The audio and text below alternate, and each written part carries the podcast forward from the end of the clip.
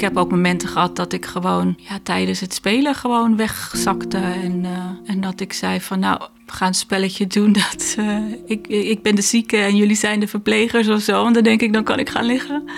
En toch een beetje meespelen.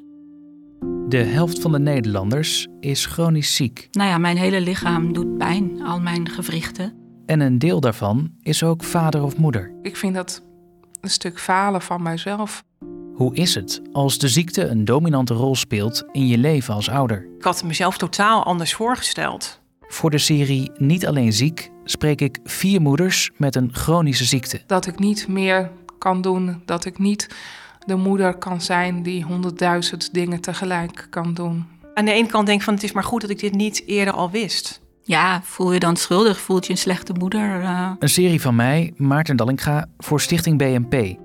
Over schuldgevoel, aanvaarding, communicatie en de toekomst.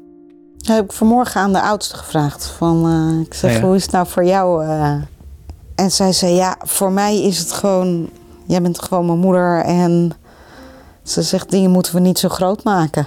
Dat heb ik wel meegekregen. Ik ben wel op de school geweest. Ik, ik ben er altijd als ze thuis zijn. Ik vind het ook wel waardevol, ja. Ik denk dat ik wel diepgaander contact heb met mijn kinderen nu, nu ik ziek ben. Dat je ook weet van, ja, je kunt alles met elkaar delen en, en uitspreken. Ik kan niet alleen maar uh, het, het, klagelijk met je meesjouwen. En ben ik eigenlijk ja, met de loop der tijd uh, steeds meer gaan zien van... wauw, mijn lichaam kan dit nog wel.